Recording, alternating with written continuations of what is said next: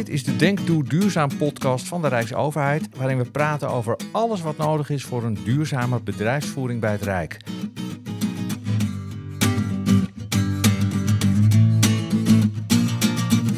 En in deze aflevering hoor je waarom het Rijk de gaskraan voor de eigen gebouwen nog verder dichtdraait dan er was afgesproken. En ook wat er allemaal voor nodig is om dat voor elkaar te krijgen. Veel informatie vind je op de website denkdoeduurzaam.nl en daar kun je je ook abonneren op deze podcast en onze nieuwsbrief. Ik ben Ewout de Bruin en te gast vandaag in onze uitzending Ivo Bonayo, de programmamanager van Denk Doe Duurzaam. Ivo, welkom. Dankjewel. En ook Martine Meerburg, de coördinerend beleidsmedewerker Duurzaamheid, Huisvesting en Faciliteiten Rijk. Goedendag. Hallo. Hoi. Martine, ehm, we hebben afgesproken, we tutoyeren elkaar. En ik ben benieuwd, als jij nou op een verjaardag vertelt dat jij, daar komt die beleidsmedewerker, coördinerend beleidsmedewerker Duurzaamheid, Huisvesting en Faciliteiten Rijk bent.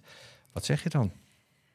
Nou, eerlijk gezegd, die titel gebruik ik bijna nooit zo volledig. Maar zo staat hij keurig onder mijn kaartje. Maar als ik op een eh, feestje ben, dan zeg ik... joh, ik heb een prachtige baan... want ik ben verantwoordelijk voor de verduurzaming van de huisvesting...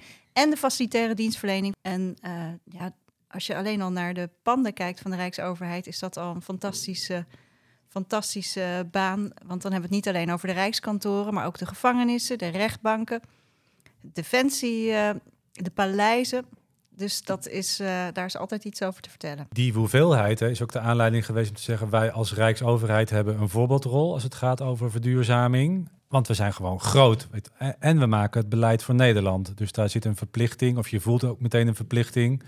Ja, dan, dan moet je dat ook in je eigen overheidsorganisatie uh, toepassen. Omdat dat één geloofwaardigheid geeft aan dat beleid. Maar tegelijkertijd omdat je ook echt impact kan maken met al die vierkante meters. Impact bijvoorbeeld, Martine, gaan we het met jou over hebben in deze aflevering, die je ook kan maken met uh, het verder dichtdraaien van de eigen gaskraan. Dus dan hebben we het niet over de gaskraan in Groningen of nou ja, een oproep aan mensen om de kachel lager te zetten, maar gewoon het feit dat jullie de kachel in de Rijksgebouwen, maar ook de gevangenissen en allerlei andere plekken misschien wel een paar graden lager willen zetten om gas te besparen. Ja, waar we vandaag over praten gaat echt over de gascrisis zoals we die nu hebben. Dus we in eerste instantie was het de vraag: we willen van het Oekraïense, uh, of, ik zeg het helemaal verkeerd, van het Russische gas af. Natuurlijk vanwege de oorlog in Oekraïne. We willen niet meer de oorlogskas van Poetin uh, spekken. Maar we zitten ook nu uh, aan de andere kant van het spectrum dat we er ook geen gebruik meer van kunnen maken. Dus dat we ook echt een dreiging hebben in Europa dat er te weinig gas is. Dus daarin uh, heeft Europa gezegd uh, 15% minder gas. En het Rijk neemt daar natuurlijk zijn eigen voorbeeldrol in. Ja, en dat komt dan bovenop de hoeveelheid gas die je al zou besparen in het kader van andere duurzaamheidsafspraken. Ja, want deze 15% gas, dat gaat eigenlijk, is echt een besparing die deze winter moet plaatsvinden. Dus tussen augustus en, en maart. Dus eigenlijk alle lucht die je nog hebt, moet er... Uh, moet eruit. Dit gaan ook mensen echt uh, voelen. Dus je ziet ook dat je daar ook veel meer in je, in je communicatie mee moet doen. Hè? Ook intern. Hè? Wat betekent dat? Hoe zit dat met die temperatuur terug? Wanneer gaat het gebeuren? En wat ik ook zie, dat vind ik ook wel leuk. Ook als je berichten op onze intranet ziet, zijn het mensen die daar uh, positief uh, op reageren en heel blij mee zijn. En ook bijvoorbeeld mensen die daar nou ja, negatief, hè? die vinden het te koud of te warm. Maar ook mensen die dan zeggen van, ja, maar in mijn gebouw merk ik nog niks. Ja, dus dan moet je ook uitleggen, en ik weet dat Martine daar heel druk mee bezig is geweest. Ja, dat is, dat is ook anders dan thuis even die thermostaten omdraaien. Dat is installateurs uh, klaarzetten die dat werk kunnen uitvoeren, grote systemen binnen de panden. Dus dan, dan moet je ook dingen gaan uitleggen waarom het gebeurt. Nou Oekraïne, verbinding met het klimaatbeleid, maar ook, ook wanneer het gebeurt en hoe dat in de praktijk gaat. Dus er komt heel veel samen in zo'n uh, actie. Extra uitdaging misschien nog. Hè? Ook in de vorige aflevering vertelden we dat jullie bij het Rijk best gewend zijn om lang over dingen te vergaderen. Nou, dit is heel kort geleden besloten. Het moet ook meteen uitgevoerd worden. Ja, dat, dat, vind ik, dat vind ik ook wel, ja, los van deze actie vind ik mooi, dat dat ook laat zien dat we ook heel snel in de actiestand kunnen komen, eh, mits daar voldoende uh, politieke uh, druk achter zit. Mits ook de mensen in de organisatie ook de opdracht krijgen om hier echt aan, uh, aan te werken. En dan kunnen dingen ook echt snel gaan. Ja, kun je dat dan uiteindelijk ook weer gebruiken als voorbeeld? En laten zien, hey, het kan dus wel. Dat je er nou ja, ik zie dingen gebeuren waar, ja, waar de mensen die in het duurzaamheidsland komen al heel lang om, ge, uh, om geroepen hebben of geadviseerd hebben. Die gebeuren nu heel snel. Dus ja, ik zelf denk dan van in de toekomst bij andere acties heb, heb je wel bagage van dingen kunnen snel. Hè? En je weet ook onder welke voorwaarden en wat je daaraan uitvoeringscapaciteit voor nodig hebt, uh, communicatiecapaciteit, uh, nou ja, capaciteit bij het Rijksvastgoedbedrijf als het om gebouwen gaat. Dus ja, hier kunnen we ook heel veel lessen uittrekken. Ik hoor eigenlijk een paar dingen. Ik hoor, het moet heel snel en het is complex. Het is lastig om het op alle plekken tegelijk te doen. Waar, waar loop je het allermeest tegenaan? Waar we het allermeest tegenaan lopen is capaciteitsgebrek op de markt. Te weinig installateurs om ons te helpen. Die installateurs uh, hebben ook heel veel ander werk te doen. Precies zoals je thuis, als jij nu PV-panelen, nu zonnepanelen op je dak uh, wil laten leggen en je belt een bedrijf, dan zullen ze zeggen je bent over acht maanden de eerste. En dat is bij de Rijksoverheid eigenlijk, eigenlijk niet anders. Dus dat is echt bij, uh, ja, met stipt op één uh, de grootste, grootste opgave. Ja, toch um, nou ja, zie ik eigenlijk aan hoe je binnenkomt en hoe je hier zit. Je gaat het wel gewoon halen. We gaan het halen. En ik wil er ook wel, um, ik wil ook nog wel even een andere, want we begonnen met het inleveren op comfort. Maar er zit er ook nog wel eentje in. Ja, dat is mijn hobby. En ik snap dat dat een stuk minder sexy is, misschien voor de luisteraars van de podcast. Um, maar ik, ik vind het wel geweldig. Um, als je kijkt naar alle structurele bezuinigingen die we tot nu toe, of structurele reductiemaatregelen die we hebben genomen, is dat we heel veel kantoren, onze kantoren staan daar echt wel goed voor. Hebben een, nou, gemiddeld uh, zitten ze op label A. We hebben ook kantoren met A met vier plusjes. Um, maar als je in dat pand vervolgens de deuren en de ramen openzet en de verwarming aanzet, dan functioneert die net zo slecht als een eh, label G-pand. Eh, Wat je dus nu ook ziet, is dat er nu echt aandacht is voor goed energiemanagement, heet dat. Dus eigenlijk zorgen dat de panden presteren zoals ze dat op papier horen te doen. Ja, ik kan me herinneren dat ik vroeger in zo'n grote kantoorkolos, niet bij de Rijksoverheid, maar ergens op het Mediapark, gewoon een gigantische aanvaring heb gehad met iemand van gebouwenbeheer, zoals dat heette. Want ik had het raam opengezet, want het was daar gewoon heel muffig. Maar ja, toen had ik dus de hele computer ontregeld. Ja, oh, ja, absoluut. Het is ook, echt lastig. Dat is best lastig, want uh, zeker in onze grote kantoren. Dus als je dan echt denkt aan onze grote torens. Wij komen, nou, wij zitten, Ivo en ik uh, werken allebei op de turfmarkt. Uh, en die grote toren zit zo'n goed afgestemd klimaatsysteem dat eigenlijk moet je daar niet het raam openzetten, want dat is helemaal afgestemd op de buitentemperatuur, uh, voldoende luchtverversing, warmte, koude. Maar tegelijkertijd vinden mensen het heel vervelend, psychisch gezien, als je het raam niet open kan zetten. Dus dat kan dus wel bij ons. Ja. En zeggen ook, nou, dat, dat mag ook. Ik bedoel, daar zit geen algemeen verbod op. Maar zet hem dan wel weer, doe hem wel weer dicht als je weggaat. Ja, precies. Dus dat zijn dan de, de microniveau dingen waar je mee te maken hebt, hoe mensen er persoonlijk mee omgaan. Aan de andere kant heb jij dus te maken met de vraag en de opgave. Zorg dat we de komende winter in, uh, nou, je noemt het al, gevangenissen, maar ook het torentje, maar ook de grote ministeries en alle gebouwen bij Defensie 15% gas bespaart. Ja. Uh, dat klinkt bijna als een soort militaire operatie die je moet uitvoeren. Ja, uh, wat, wat leuk dat je dat uh, zegt. Want het meeste enthousiasme wat ik ook zie en de grootste inspanning, en dat is ook bij Defensie, die, die hebben voor de structurele verduurzaming een enorme uitdaging. Die hebben heel veel oud vastgoed. Wij maken altijd wel de grap, daar liggen nog heel veel panden met vloerbedekking die de Duitsers daar hebben neergelegd. Uh, en daar is in de, al die jaren van bezuiniging voor Defensie is daar nauwelijks gerenoveerd, nauwelijks geïnvesteerd in panden. Want als er al geld was, dan ging dat uh, naar het materieel. Um, maar dit, een korte klap, nou, dat, dat kunnen ze perfect. En dat is fijn, want Defensie staat, uh, verbruikt op dit moment 57% van het gas van het Rijk. Dus ook daar, ja, als ze daar een grote klap kunnen slaan, daar hebben we als geheel ook heel veel uh, profijt uh, bij. Ja, en, uh, en grotere ministeries, daar heb je natuurlijk ook veel profijt bij, maar daar is het misschien weer lastiger te regelen. Valt het mij? Nou ja, daar zijn het veel meer kleine druppels, omdat we daar eigenlijk, we hebben bijvoorbeeld het pand aan de, de Rijnstraat 8. nou ja, daar is de bewoners, daar is best wel veel mee te doen.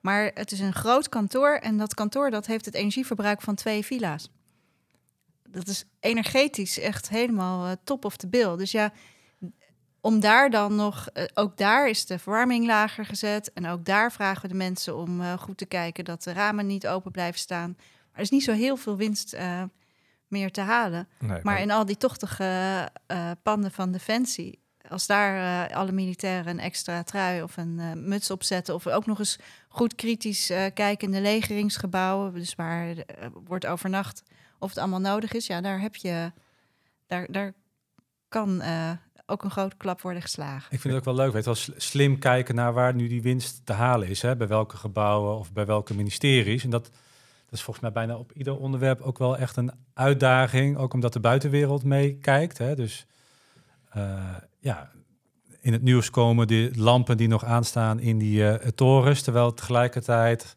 aan, onder de motorkap zeg maar, wordt gewerkt aan die gasbesparing binnen die gebouwen. En ik, en ik zie dat zelfs bij, bij de ministeries. Hè. Die gaan dan vragen waarom heb je mijn ministerie nog niet aangepakt. Dus wij moeten dan ook steeds uitleggen. En volgens mij is Martine dat heel veel aan het doen. Maar, we zijn nu bij Defensie aan het kijken. Want daar is de meeste eh, winst, te eh, behalen. Dus dat, dat dilemma van waar zet je je capaciteit en energie op in. Energie in, in een andere zin van het woord. En hoe verhoudt zich dat tot wat de buitenwereld ziet, is wel iets waar je ook steeds rekening mee moet houden bij dit soort eh, acties. Dus wel doen waar de grootste winst is te halen, tegelijkertijd ook, ook zichtbaar maken wat je aan het doen bent. Martine, kun je ons meenemen? Want als ik thuis denk van de kachel moet twee graden lager, dan ga ik naar de thermostaat, dan zet ik de kachel twee graden lager. Maar ik proef eigenlijk aan heel veel bij jullie dat dat in zo'n groot gebouw heel anders werkt. Nou, zeker in zo'n heel groot eh, gebouw. Dat is echt een, een, klimaat, eh, een klimaatbeheerssysteem dat eh, allerlei sensoren is gekoppeld is aan de, heeft aan, gekoppeld is aan de buitentemperatuur. Veel van onze panden, nou gaan we de techniek in, maar hebben ook een warmte-koude opslag. Dus die ehm, eh, eigenlijk wat ze doen, het is een, een reservoir in de grond. En in de zomer onttrekken ze warmte en daardoor koelt het gebouw. Die warmte wordt, in de, wordt opgeslagen voor de winter en in de winter wordt die warmte weer gebruikt. Dus we hebben een aantal panden gehad deze zomer, waarbij de techneuten zeiden: nee, daar gaan we de koeling helemaal niet lager zetten. Want als we dat doen, hebben we straks te weinig warmte in de winter en dan moeten we weer extra gas bijstoken. Nou, daar kan je dus voorstellen dat dat dus zeker niet even de knop omzetten is eh, zoals we het in de campagne zeiden, maar echt een, een gedegen studie om te zorgen dat we niet uiteindelijk de verkeerde beslissing nemen die ons nog uh, meer energie gaat kosten. Nee, uh, en, en, dat is de achterkant, hè, waar ja. het heel complex is. De voorkant, de voorbeeldrolkant, uh, dat is dan misschien toch het beeld van die militairen die met een extra trui in de bivak liggen en ook laten zien hè, dat, nou ja, alle Nederlanders het misschien wat kouder hebben, maar en zij dus ook. Ja, ik denk dat die voorbeeldrol zit, uh, uh, zien we deels in de verwarming. We gaan uh, nu in het najaar ook echt heel concreet letten op, uh, op verlichting, want het wordt natuurlijk ook nu sneller donker. We hebben tot nu toe echt heel erg gesproken over um, die 15% gasreductie, dat gaan we behalen. Maar met die voorbeeldrol kunnen natuurlijk veel meer partijen bereiken. En ik ben echt, ik was echt positief verrast, ook over de de publiciteit en de reacties in het voorjaar, toen de ministers Jonge en Jette laatwerkelijk in, in het pand in Delft de knop omzetten en dat daar echt werd gereageerd, oh wat goed dat het door de overheid gebeurt. Dus daar moeten we ook, ja, dat is die olievlekwerking die ook deel is van deze campagne. Die voorbeeldrol is wat mij betreft ook zeker juist ook die grote dingen doen die echt impact hebben. En niet blijven hangen bij dingen die het in de beeldvorming goed doen. Hè. Die neiging zie je soms ook wel, dat de zichtbare acties meer aandacht krijgen dan lastig achter de motorkap dingen die in de beeldvorming minder zichtbaar zijn, maar juist het meeste effect hebben. Dus ik weet ook dat veel ministeries altijd vragen over om zonnepanelen op de eigen uh, daken. Nou ja, dat is, dat is zichtbaar, dat laat het zien. Terwijl misschien maatregelen die veel meer bijdragen, interessanter zijn, maar die zijn minder zichtbaar. Dus ik denk dat je, dat je beide in een juiste verhouding moet doen. Maar die, ja, die beeldvorming mag nooit ten koste gaan van de grote, impactvolle uh, acties. Iets waar ik warm van word, uh, waar, waarvan ik merk dat ons communicatie, uh, het campagneteam, het wat lastiger vertellen vindt, is dat wij ook heel kritisch nu aan het kijken zijn naar de specificaties voor serverruimtes maar ook archieven. We hebben het, het Nationaal Archief, de Koninklijke Bibliotheek, maar ook onze eigen archieven. Dat we toch nog eens heel kritisch kijken Ehm, als wij moet de bepaalde luchtvochtigheid en de temperatuur is dat die we ooit twintig jaar geleden hebben vastgesteld dat dat op die waarde moet, is dat nog steeds relevant. En ja, ik, ik wil niet het archief vergelijken met een medewerker, maar ehm, ik, ik, uh, ik ga al een tijdje uh, mee. Ik ben uh, in 2000 afgestudeerd en ik leerde toen al dat een kantoorplek gemiddeld 21 graden zou moeten zijn als je stil zit om te werken. Alleen warmte en, warmte en comfort heeft met alles te maken. Als je stralingswarmte, zonnewarmte is lekkerder um, dan een ander type warmte. Een kat op schoot is, geeft je ook warmte en dan hoeft je omgeving niet per se te zijn. Dus ik ben ook heel geïnteresseerd over hoeveel klachten krijgen we nu. En we hebben bijvoorbeeld deze zomer echt, nou ja, het aantal klachten dat ik heb gehad, nou, kan ik op drie vingers tellen. Dus daar zijn we eigenlijk heel goed doorgekomen. Ja. Dus, en, uh, begrijpen mensen het ook wel eigenlijk? Dat, dat nou, wat thuis gevraagd wordt hè, door de minister, dat je dat eigenlijk op je werk, dat het niet meer dan normaal is dat het daar ook gebeurt? Nou ja, Ivo heeft daar al een beetje iets uh, van weergegeven. Wij, konden dat, wij kunnen dat dan uh, we hebben daar geen groots onderzoek naar gedaan, anders dan dat we natuurlijk wel systematisch alle klachten registreren. Maar we kunnen wel op intranet de reacties zien van medewerkers. En nou, eerlijk gezegd, dan moet ik ook even uit mijn groene bubbel komen. Was ik daar op sommige plekken wel wat van geschrokken. En aan de andere kant dacht ik, oh, dit is ook heel goed. De overheid is gewoon, de mensen die bij de overheid werken, is een, een prima spiegeling van de samenleving. En een deel uh, snapt dat heel goed. En een deel, nou, we kregen ook reacties van mensen die zich uh, aangetast voelden in hun identiteit. Omdat we hadden opgeschreven dat je in de winter nu toch maar met een trui en een broek moest komen. En dat wie waren wij om voor te schrijven dat ze niet in een panty en een blouseje uh, mochten komen. Dus uh, gemengd. En we doen ons best om het iedereen om het uit te leggen, om handreikingen te geven voor mensen die echt medisch gezien een probleem hebben, mensen met reuma, om daar een maatwerkoplossing voor te bedenken. Ja, en dan is het zoals het is. En ja, ik weet niet hoe dat thuis gaat, maar ik merk zelfs als ik op de voetbalvereniging van mijn dochter zit, dat daar gewoon het gesprek is. oh, dit was een koude wedstrijd ja, zullen we nou thuis vanavond onder de douche gaan? En dat dan mensen zeggen, ja, dat kan niet, want ik heb al vandaag gedoucht, ik mag niet nog een keer. Dus dat dat ook steeds weer gaat, dat gaat het, besef, het besef komt er toch ook wel gewoon meer. Ja, ja. ja. Zijn er ook mensen die zeggen, ja, misschien is er ook wel onderzoek naar gedaan, houdt u daar rekening mee dat je zegt, ja, als het gewoon kouder is, dan zit je gewoon minder lekker in je vel, dan is de productiviteit dus misschien ook wel lager. Dus dan snij je zelf in de vingers. Ivo. Oeh, dat is een goede vraag. Ik heb daar niet het antwoord op ik heb daar wel over gelezen, hè, dat er onderzoeken zijn welke temperaturen uh, je het best op functioneert. Volgens mij was die 19 graden wel een, een soort van ondergrens in ja. uh, goed functioneren. Maar wat Martine net ook zei, ligt misschien ook aan het type werk wat je hebt. En uh, ja, nu is het een hele korte termijn actie hè, voor deze winter, waar Martine en ik ook wel eens over hebben, is van, ja, hoe zorgen we er nou voor dat je, dat je dit ook gaat behouden hè, naar de toekomst toe? Want we hebben nog best wel een weg te gaan naar een duurzame rijksorganisatie. Uh, dus dan moet je misschien ook na gaan denken inderdaad van andere maatregelen om het comfort uh, terug te krijgen in, in, in een pand. Ik vond het voorbeeld wat je net gaf van die kat op schoot, ja, de, de Rijkskat, nou, waar ja. we niet meteen aan beginnen, maar er, toch zijn, aardig, er zijn vaak wel andere je... dingen te nee, bedenken. maar misschien om comfort, je kan je voorstellen, uh, 19 graden met tocht is een hele andere dan een 19 graden zonder, Zonder tocht, tocht, ja. en uh, zoninstraling. Ja. Hoor ik jullie nu ook tussen de regels door toch zeggen, het is wat ons betreft vanuit het programma niet gezegd dat volgend jaar die kachel weer omhoog gaat?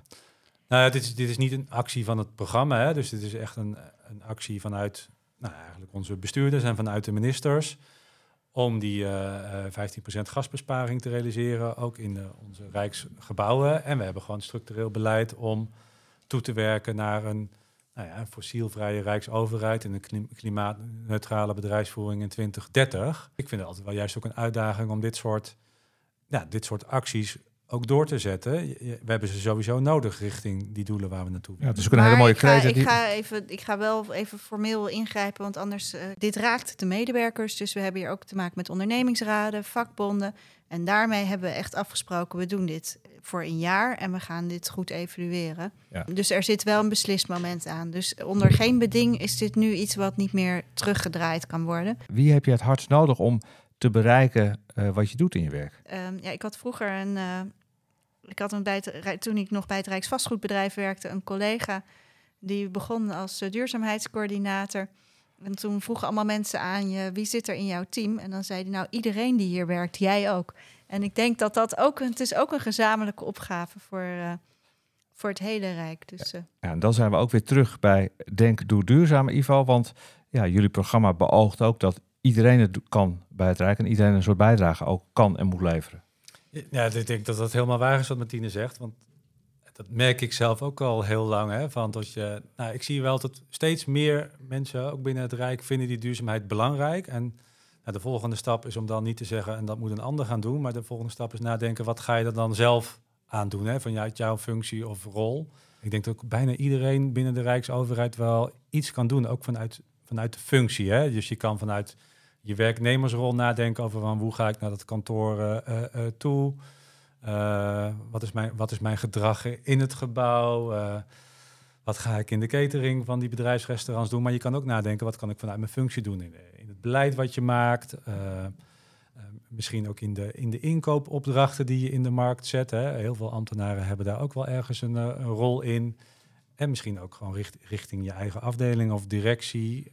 Gewoon nadenken over, ja, wat, wat kan mijn directie of mijn afdeling bijdragen aan die duurzaamheidsopgave van, van Nederland?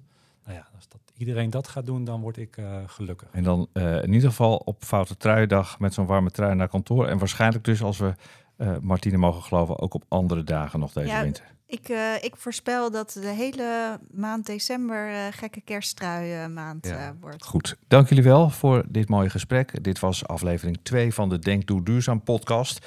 Wil je nou meer weten over het programma of de verduurzaming bij het Rijk of nou ja, de temperatuur en de lichten?